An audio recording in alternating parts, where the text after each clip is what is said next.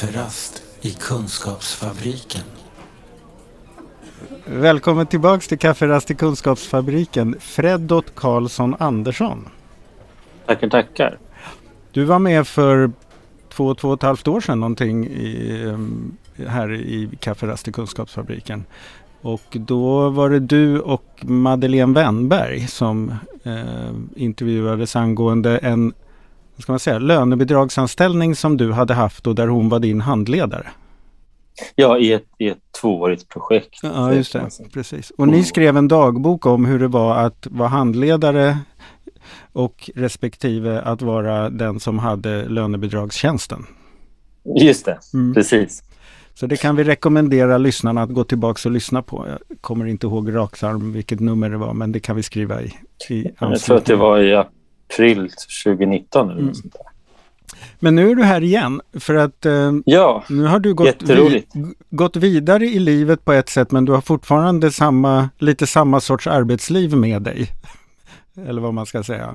Mitt liv är väldigt mycket, eh, är de här tvåårscyklerna har jag insett mm. nästan de senaste 15 åren har varit två år där, två år där i olika arbetsmarknadsprojekt. Eh, ja, så att jag känner mig lite som en fluga under en taklampa som bara gör små, små, små cirklar i världen. Ett, komma, ny, ett nytt varv runt lampan och så kommer man lite för nära och så lite för långt ifrån och så ett nytt varv runt lampan. Så. Lite så, mm. lite så. Också som att jag håller på att förvandlas till någon slags eh, ja, men en, en väldigt, väldigt gammal praktikant. Som, som, eh, mm. Så det, ja, det... Du fyller 50 snart. Det är korrekt. Du, du är a full grown man. Yes. Mm. Eh, men vad jag tänkte på, det finns ju en anledning till att du har haft det knepigt med arbetslivet. Eh, hur, hur, ser din liksom, bakgrund ut lite grann kring hälsa och, och sådana där saker?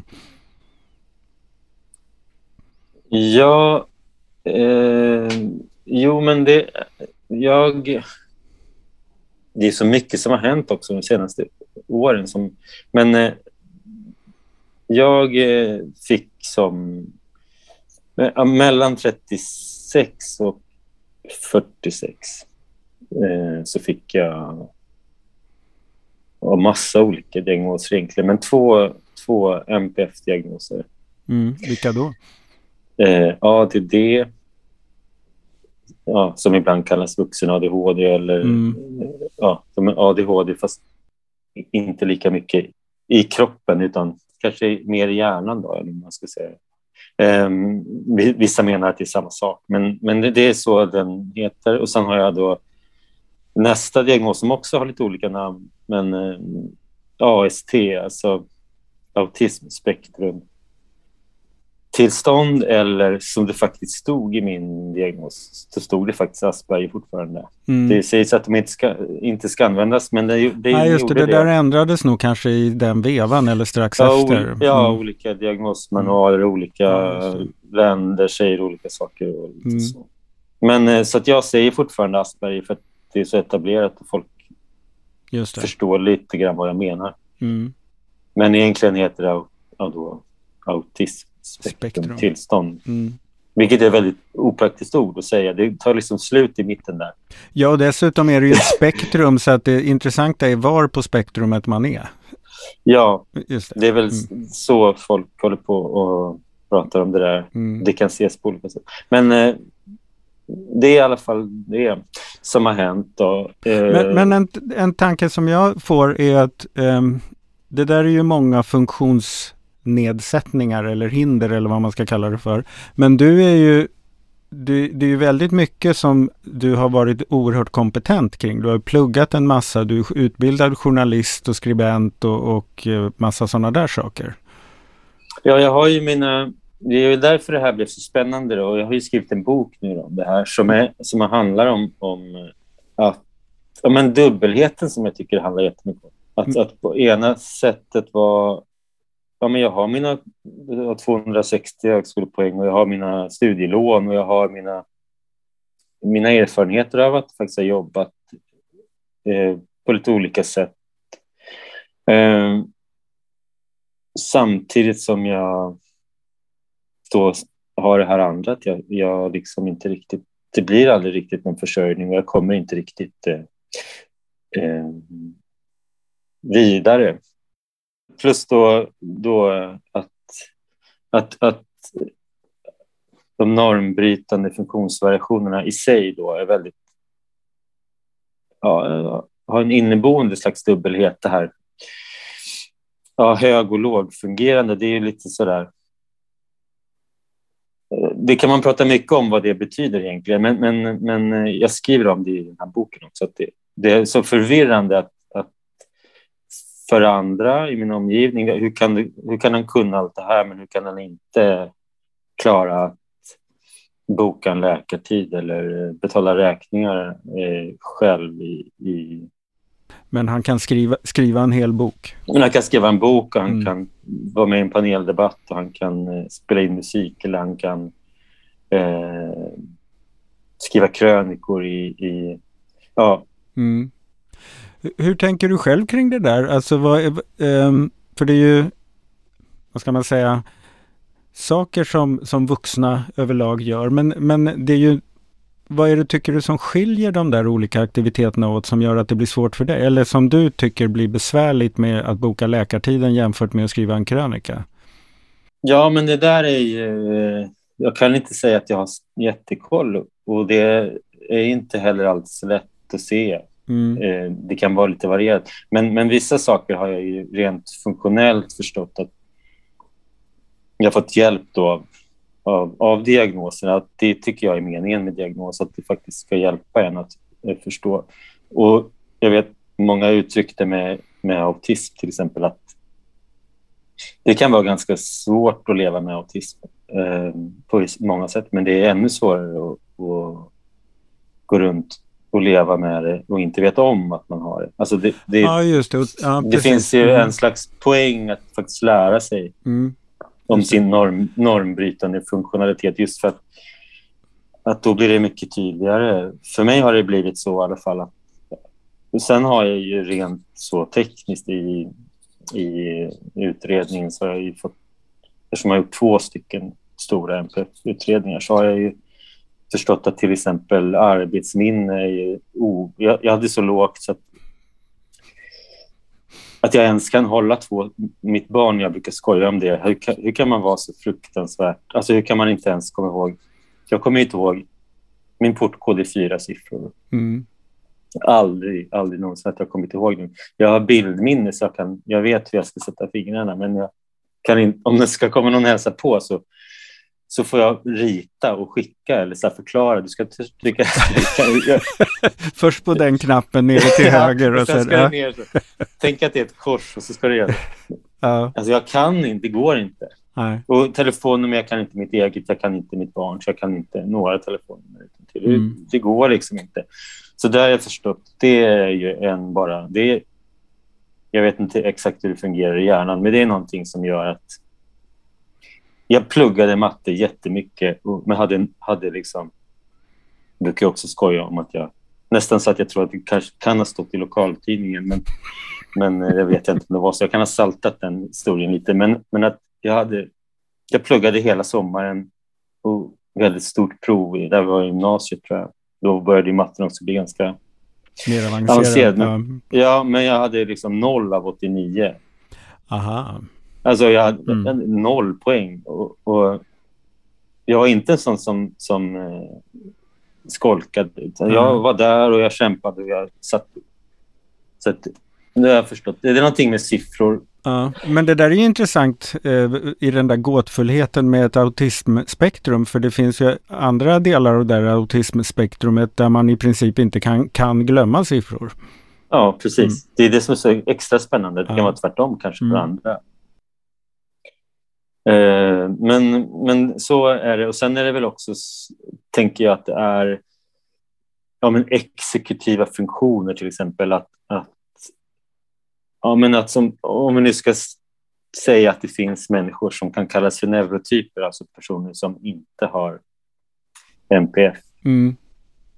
Så om man nu ska lite snällt generalisera den här gruppen som ju är ganska stor och säga att för många människor utan NPF så de går runt i vardagen och det följs upp olika planer, så här automatiserade planer, ungefär som en kalender slås upp när man ska göra olika mm. små mikroutmaningar i vardagen. Som till nu, exempel, nu ska jag ta mig till jobbet. Ja, nu ska jag ta mig till jobbet. Jag behöver inte tänka varje steg. Så här, mm. Hur var det nu? Eller nu ska jag laga mat till min familj. Jag har räknat ut att jag har gjort det. jag har lagat mat i 30 år. Mm. I majoriteten av veckans dagar. Eh, jag har till och med jobbat med matlagning. Och, och jag, jag, är väldigt bra på att laga mat och kan det. liksom. Men ändå när jag ska laga mat varje gång så är det nästan så att jag måste börja fundera. Hur, var, hur är det nu jag ska göra här? Vad Aha. behövs? Mm. Det är liksom som att det är en, en ny gång varje gång. Det finns inte det här automatiserade. Mm.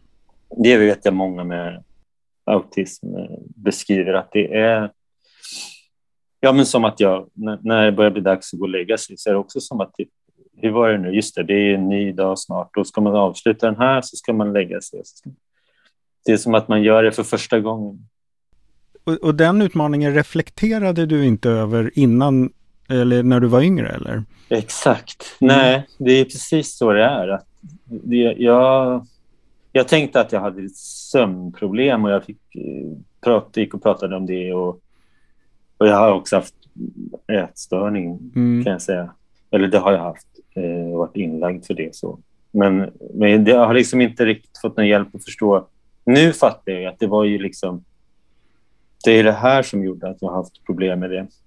Att helt enkelt eh, få, få styrsel på rutiner och, och, och, genomförandet på något sätt? Ja, att jag måste hela tiden, jag måste hela tiden tänka, jag måste ha en, liksom en plan för hur det här ska gå till hela tiden. Men jag har mm. inte det där jag kan inte göra det med liksom en höft, som man Nej, säger. Utan jag måste, jag måste planera och jag måste lära mig.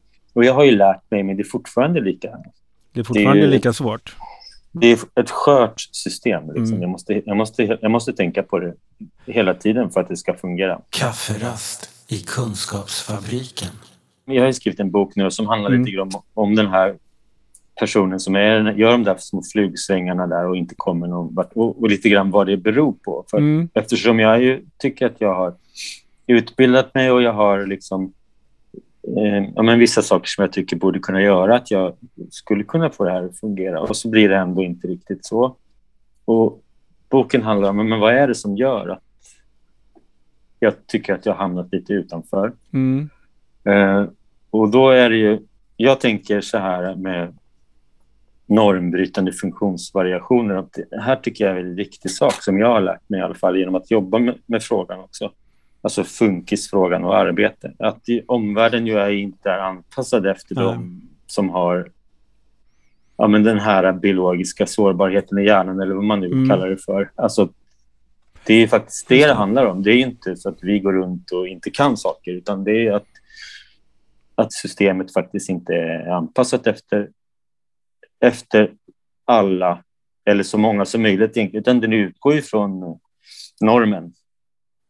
Men det är som att nu, nu ser arbetslivet ut så här, det moderna arbetslivet, så att nästan att du kan sköta det Ja, det har vi märkt nu under pandemin också, att, att eh, det flyttat in i olika skärmar. Liksom. Och det var ju så även innan också, att du, du kan sköta ditt jobb med en mobil smartphone till exempel. Du kan gå runt och ha också det här att, att arbetsliv, alltså att fritid och arbete suddas ihop mm. lite grann. Att man liksom vet inte riktigt.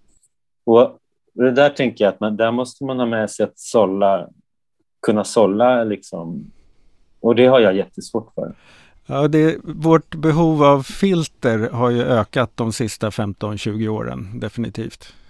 Just det. Eh, eller vårt behov av fungerande filter, får man väl säga. Mm.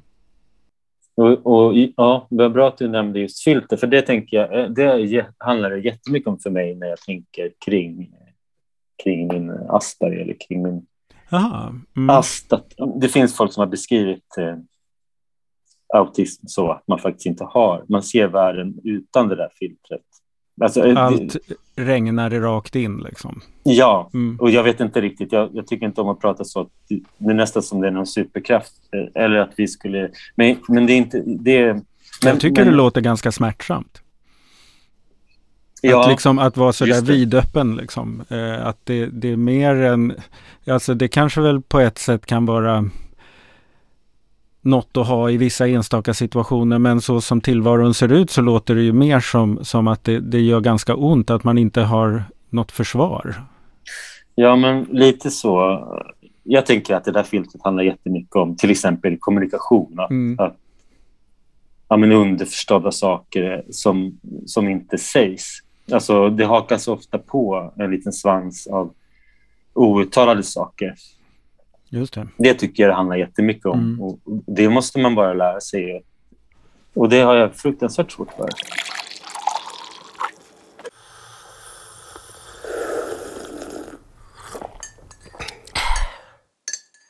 Det här just med mingel. Mm. Att det, det, brukar ju pekas ut som en, väldigt, en arena för missförstånd och svårigheter. ja. Och jag kan väl säga att jag innan jag visste det här så tänkte jag väl inte att jag hade svårt för det. Men det visade sig, men det har jag ju faktiskt. Mm. Eh, just för de här, den här filtergrejen, att man vet inte riktigt. Eh, och, och, det skulle jag säga är en sak som arbetslivet, att det liknar lite grann. Det är lite mingel. Ja, just det. Det är Touch väldigt mycket. på det moderna. Ja, mm, så är det. det. Så uppfattar jag det också faktiskt. Det till och med är att mingel är, är faktiskt en, en, en metod som används. Mm. Så inte uttalat, men det, det minglas väldigt mycket mm. på olika sammanhang. Och då ska man bara... Det förutsätts att man kan. Just det. Mingla. Man kan plocka mm. ut saker. Den här personen ska jag prata med för den kan leda till det här. Den här jobbar med det här, då ska jag prata med den. Och så, ska, och så kommer vi överens om olika saker och så hörs vi på mejlen. Mm. För mig är det så här, men jag, ingen aning vad som sa. Eller, betyder det här att det är någonting... Mm. Var det här en beställning? Eller var det bara... Ja, eller, något... eller mm. har vi inte fika, trodde jag. Då arbetar man väl inte. Alltså, när är det privat? Nu frågar, ja. Samtidigt kan du fråga mig om någonting med min, mitt barn eller vad jag mm. gör. Jag vet, inte, jag, jag vet inte längre vad som är vad då. Mm. Och, det är den här fy, fyrkantigheten. Jag behöver veta. Pratar ja. vi jobb nu eller pratar vi om... Just det om att jag tycker om småfåglar. Liksom. Jag, jag, måste veta lite grann. Men då förstår jag, för att det var väl också så att du för innan du fick de här eh, diagnoserna, då brände du ut dig också? Eller du blev sjuk av att jobba, eller? Ja, precis. Jag har blivit utbränd mm. ja, så många gånger så att jag inte riktigt har någon räkning. Kan du se det nu i efterhand, att det var de här funktionssätten som gjorde att du och arbetslivet inte matchade så bra? Ja, ja det här är ju... Ja, det, jo, jag kan väl intellektuellt förstå det. Mm. Att det hänger ihop, men jag kan inte exakt säga riktigt hur. Men eh, jo, men det... Men då var ditt medvetande och din kunskap om ditt, ditt normbrytande funktionssätt inte så klart. Så att du, det var ju ingenting du kunde förstå då. När jag blev utbränd första gången så var i samband med att jag fick första ADD-diagnosen. Okay. Mm. Mm. Och då skrev faktiskt en läkare skrev ett intyg på att, att eh, jag har jobbat väldigt mycket inom vård och, och, omsorg, och skola. Mm. mm. Som jag också är lärare och förskollärare och eh, folkhögskollärare och har jobbat både med vuxna och barn och så. Men att den miljön då eh, skolvärlden, om man ska säga. Mm. Det står lite gulligt beskrivet att det, det är inte en hälsosam miljö ja, för mig. det, det, ja. ja. men det handlar väl om, men det har jag lärt mig, att ja, men stress, att, att det har jag väldigt svårt för. Mm. Alltså, det är också så att efter din utbrändhet så har din eh, stressdålighet också sjunkit. Alltså du har, det, det är ett större problem för dig idag än innan du blev sjuk av det så att säga. Ja, men det här är så intressant. Ja, det antar jag att det är. Men också är det att jag har fått hjälp att lära mig lite grann. Och se det är sant. Du kan förutse ja. situationer bättre idag, kanske. Ja. Mm. Ja, det där är intressant med åldrandet generellt. Att när ens funktioner börjar svikta så mm. blir man ju också, har man ju också i gengäld haft lite tid på sig att bli bättre på att lägga upp strategier och att undvika Exakt. miljöer och platser och situationer där man inte trivs. Eller där det inte funkar så bra. Ja, och sen när man slänger på då diagnoser som vuxen så är mm. ju det... Det blir ju väldigt så... Det blir mycket att lära sig. Ja, just det. Det blir, mycket, det blir som ett pussel på, mm. på ett sätt. Men kan du, kan du se att de diagnoser du har fått har varit till hjälp i ditt kunskapsalstrande kring dig själv?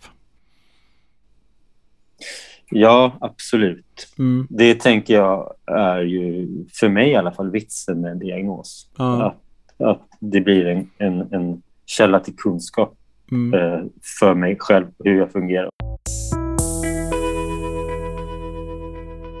En, en sak som jag skriver om, som, som jag har märkt kan vara lite snurrigt, är ja, men i den här dubbelheten, att folk, när, när de får veta att jag har, eftersom jag är öppen med min, mm. min eh, diagnos eller diagnoser så reaktionen hos folk är ju ofta jag förstår inte riktigt vad du menar för det, syn, det, märks, ju, det, det, märks inte på dig. Och då vet jag inte riktigt vad folk förväntar sig att det ska synas men de menar, det, sånt, mm. det är ju väldigt vanligt att, men det märks ju inte. Vad, jag Nej. förstår inte vad som är problemet. Precis.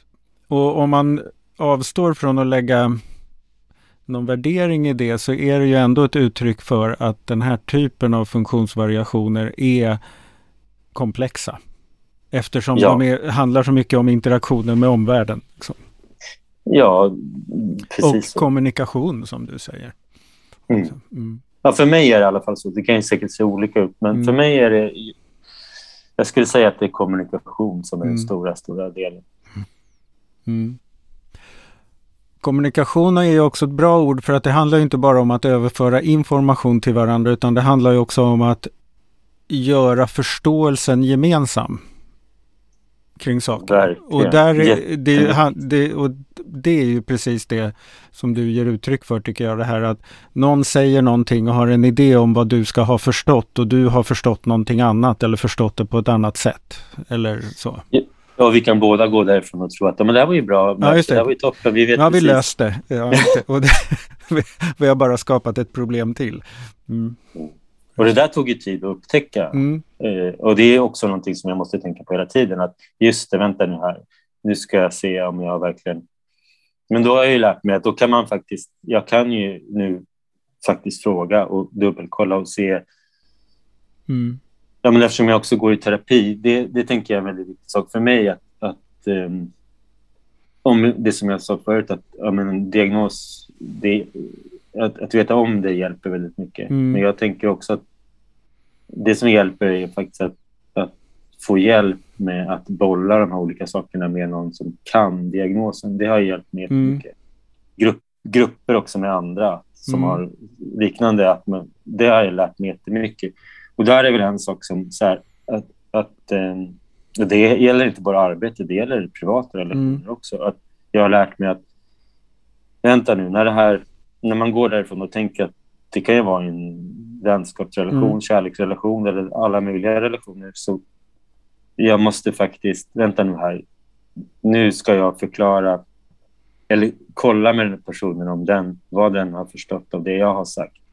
Eh, och tvärtom. Att man, och tvärtom. Mm. Och det måste jag göra hela tiden. För att, för att, eh... Vi ska prata lite om en, en, annan vinkel kring det här och just som din bok handlar om eh, och som du liksom nästan gör avstamp i just det här att du den 50-åriga praktikanten med tvåårsanställningar. Mm. För att det är ju eh, oaktat att det kan kännas meningsfullt att lära sig om sig själv så är det ju också att din så som vi som medborgare i det här landet värderas väldigt mycket handlar det ju om vår plats på arbetsmarknaden.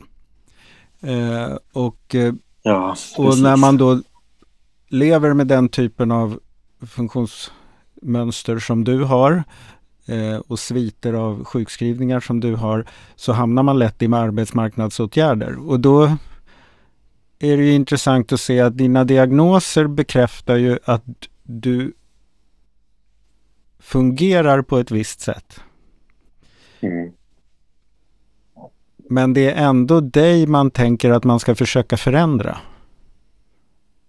tänker jag, i de här olika stödgrejerna. Att nu testar vi, nu får du Ja, arbeta ja. här några år för att se om du kan lära dig hur man ska bete sig på arbetsmarknaden så att du kan bli kvar någonstans eller anställningsbar. För det är ju sällan så att man går in med en stark åtgärd och säger nu ska vi försöka få det här företaget att bli ett företag där även personer med dina funktionssätt kan jobba.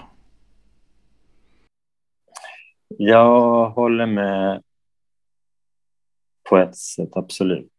Men jag tänker att det finns, det finns ett begrepp som heter UUA, universellt utformat arbetsliv. Det finns eh, personer som jobbar med det här och forskar och så. Att, Mm. att, att det, varför vi, vi också ska lära oss att se att ja, men vi, vi har skapat den här, de här normerna på, i, på arbetslivet som gör att faktiskt alla inte får plats. Kan vi faktiskt se att vi kan göra på andra sätt? Alltså hur gör vi så att så många som möjligt får kan komma in och göra arbeta utifrån sin kompetens. Liksom. Mm. Att man vänder på det och ser ja, men det kanske vi måste... Hur gör vi när vi rekryterar? Hur gör vi när vi utformar liksom, stora, moderna så här, landskapsytor? Är det verkligen bra för Mm. folk? Då visar det sig, oavsett funktion eller inte, så är det inte så väldigt många som i alla fall kanske tycker att det är superbra att inte kunna stänga dörren om sig Mm. eller att kunna ha samma plats varje morgon, utan man har olika varje dag. Det är kanske inte så många som tycker att det är jättebra. Och det här äh, att man hela tiden ska vara uppkopplad och man vet inte riktigt när, när man är på arbetet och när man har fritid. Det kanske inte passar egentligen alla, oavsett funktion.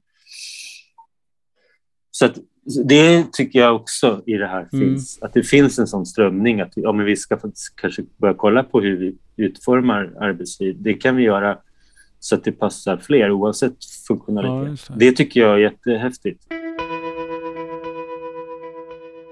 Egentligen är det ju inte något dåligt med praktik. Det, det, det är ju... Men, men så här, det, det finns ju till exempel en person som inte har någon större erfarenhet av arbetslivet så kan det vara jättebra att faktiskt komma som praktikant och lära sig kring Mm. vad det innebär att ha ett arbete och finnas på arbetsmarknaden eller på en arbetsplats. Mm. Eh, Det kan också vara, för många kan det till exempel vara ett sätt att komma hemifrån, komma Mm. eh, faktiskt aktivera sig. Och, eh, sen kan det ju kanske vara så att ja, men, jag har arbetslivserfarenhet. Jag vet ganska mycket vad det innebär att arbeta. Jag har gjort det förut. Mm. Jag, jag behöver liksom inte och jag behöver inte komma hemifrån för annars ligger jag och deppar, deppar ihop. Jag behöver en, en fast försörjning och schyssta arbetsvillkor. Och Ja, liksom, just det. eh, det är det jag behöver. För en sak som, som det här, ditt, om vi återgår till flugliknelsen där, ditt snurrande runt den där lampan i tvåårscykler. Det har ju också gjort att du är inte stenrik. Det där brandgula kuvertet, det, det tror jag att vi inte ska prata om. för det Nej, Mm. det är... Usch, det, det, blir, eh, det blir något det, när det blir aktuellt. Ja. Det kommer inte bli så kul. Nej, Mm. nej jag har... eh, Sen har jag också... Sen, sen har jag aldrig haft... eh, Jag har aldrig varit rik. Eller jag har aldrig Mm. haft egentligen haft det särskilt stabilt ekonomiskt. Eh, Det började redan när jag var liten. Så jag, jag har Mm. också... Ja. Det är ingenting jag har liksom... Det är inte den här... Han hade ett framgångsrikt liv, sen blev han sjukskriven och ja, just det. rökade. Jag, det, jag, jag har inte riktigt haft den positionen någonsin. Mm. Eh, på gott och på ont, Mm. eh, så, såklart. Det är inte så att du plötsligt har förlorat allt du hade byggt upp eller något sånt? Nej. Nej. Precis. Men eh, det, det gör ju inte din situation annorlunda idag. Eh, så att säga. den, är- för den är rätt påver helt enkelt. Ja, det är faktiskt det som är det mest slitsamma. Att aldrig kunna slappna av i att veta att eh, Mm. det, det, den stressen är ju det, det jobbigaste, måste jag säga. Mm. Att så länge leva med det, att aldrig kunna... Jag måste hela tiden tänka på varenda liten krona och, och det kommer nya utmaningar hela tiden och det kommer olika... I de här små, små de här flugvarven då så, så innebär det också otroligt mycket meck kring liksom, försörjningen. Det, ja, det, det, får aldrig, det kan aldrig bara få fungera utan det, det är alltid en stress. Och om det fungerar så vet man att det är under en kort period. Ja, precis. Mm. Och då eh, kanske man har en kö av skulder och sånt som man har ja, just det. skjutit upp. Har du no är du i någon insats eller har du jobb nu? Nej, jag är arbetslös igen. Mm. Mm. Jag söker ju, tror jag, ja, men 11, 12, 13 jobb i månaden. Ja.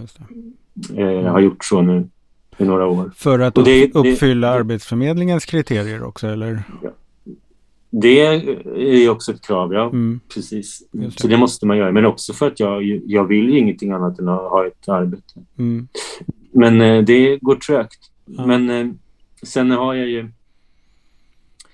Eftersom jag är utbildad journalist, eh, författare, jag har också gått massa olika författarutbildningar och, och bildkonstnär och, och illustratör så, mm. så gör jag lite uppdrag här och var. Okay, ibland. lite frilansliknande sådär? Ja, jag har försökt frilansa på lite olika sätt, men det är också väldigt, väldigt svårt. Jag är en usel entreprenör har jag ja, förstått. Just det. Mm. just det. Det tror jag vi har pratat om förut någon gång att det är paradoxalt att konstnärsyrket är så illa lämpat för konstnärssjälar. Det var, det var fint sagt. Ja, det kan nog Det kan vi enas om. Just det. Jag tänker vi kan runda av lite med att prata om själva boken. Eh, som ju då alltså heter B-laget. B-laget under rubrik Rapport från ett utanförskap.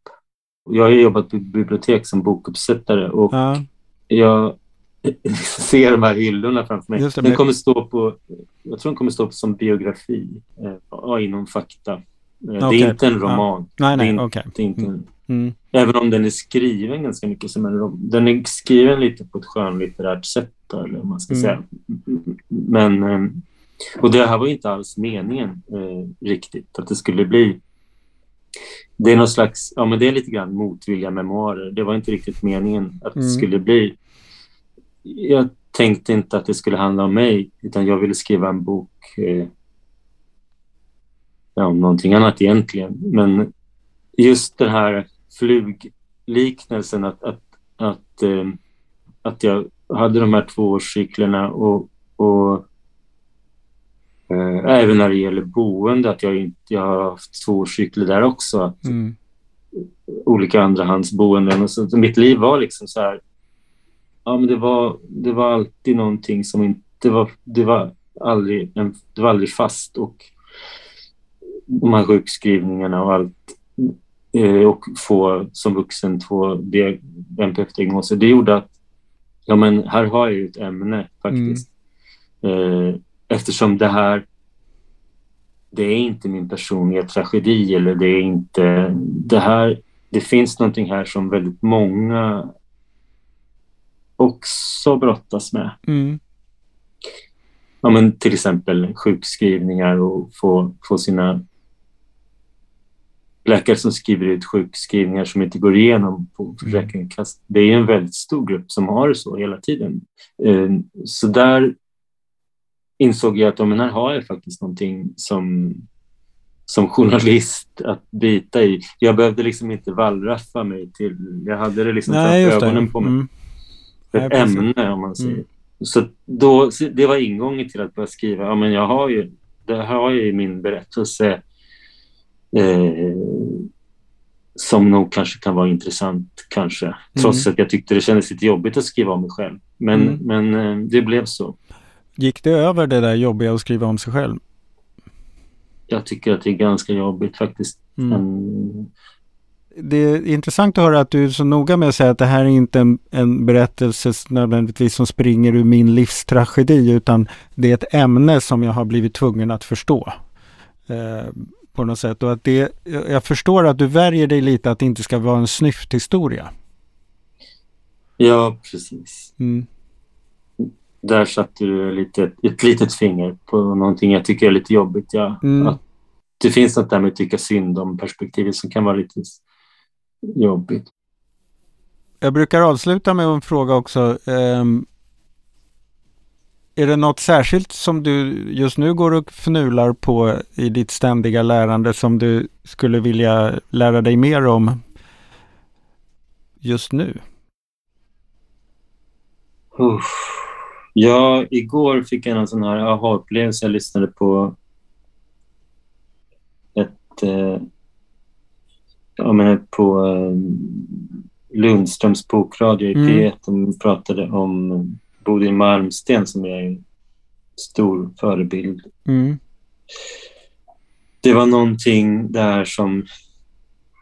Ja, men mitt liv har ju blivit ganska mycket så här nu på senare tid att jag skalar ner. Liksom. Att, att, att, eh, att inte bara ta en dag i taget utan också till och med ibland en timme i taget eller Mm. Kanske till och med en minut i taget. Att det finns någonting ganska fint där också. Ehm, livet fortsätter att, ba- att vara i det. Mm. Så här är det nu. Liksom. Mm. Ja, men för att det, jag är lite av en grubblande person och Mm. jag vet inte om det kanske har framgått. Ja. Ibland kan det vara skönt att men, jag måste inte lösa allting hela tiden. Jag, jag, kan, Just det. kan, jag kan sitta med den här kopp kaffen och titta ut på rådjuren nedanför Mm. min balkong. Och det, det, Om man ska citera Bob Hansson att här ligger jag och duger. ja, exakt. Men jag tänker på det där, alltså grubblandet kan ju alltså på ett sätt vara uppfordrande för att det liksom antyder att man, man har någonting särskilt man måste lösa. Och det kan ju liksom Ja. skapa någon slags stress eller att man hela tiden liksom strävar framåt och inte är i nuet. Men man kan ju också tänka sig att man hittar ett sätt att vara helt trygg i att jag ligger och grubblar. Att det i sig också är en stund att njuta av. Att det inte måste vara liksom förknippat med ett krav på att lösa något särskilt. Ja, just det. Ja, men där har vi det. Gud, här har vi ett ämne alltså. Ja, är det din nästa bok? Ja, kanske. Nej, men jag, jag, jo, men Mm.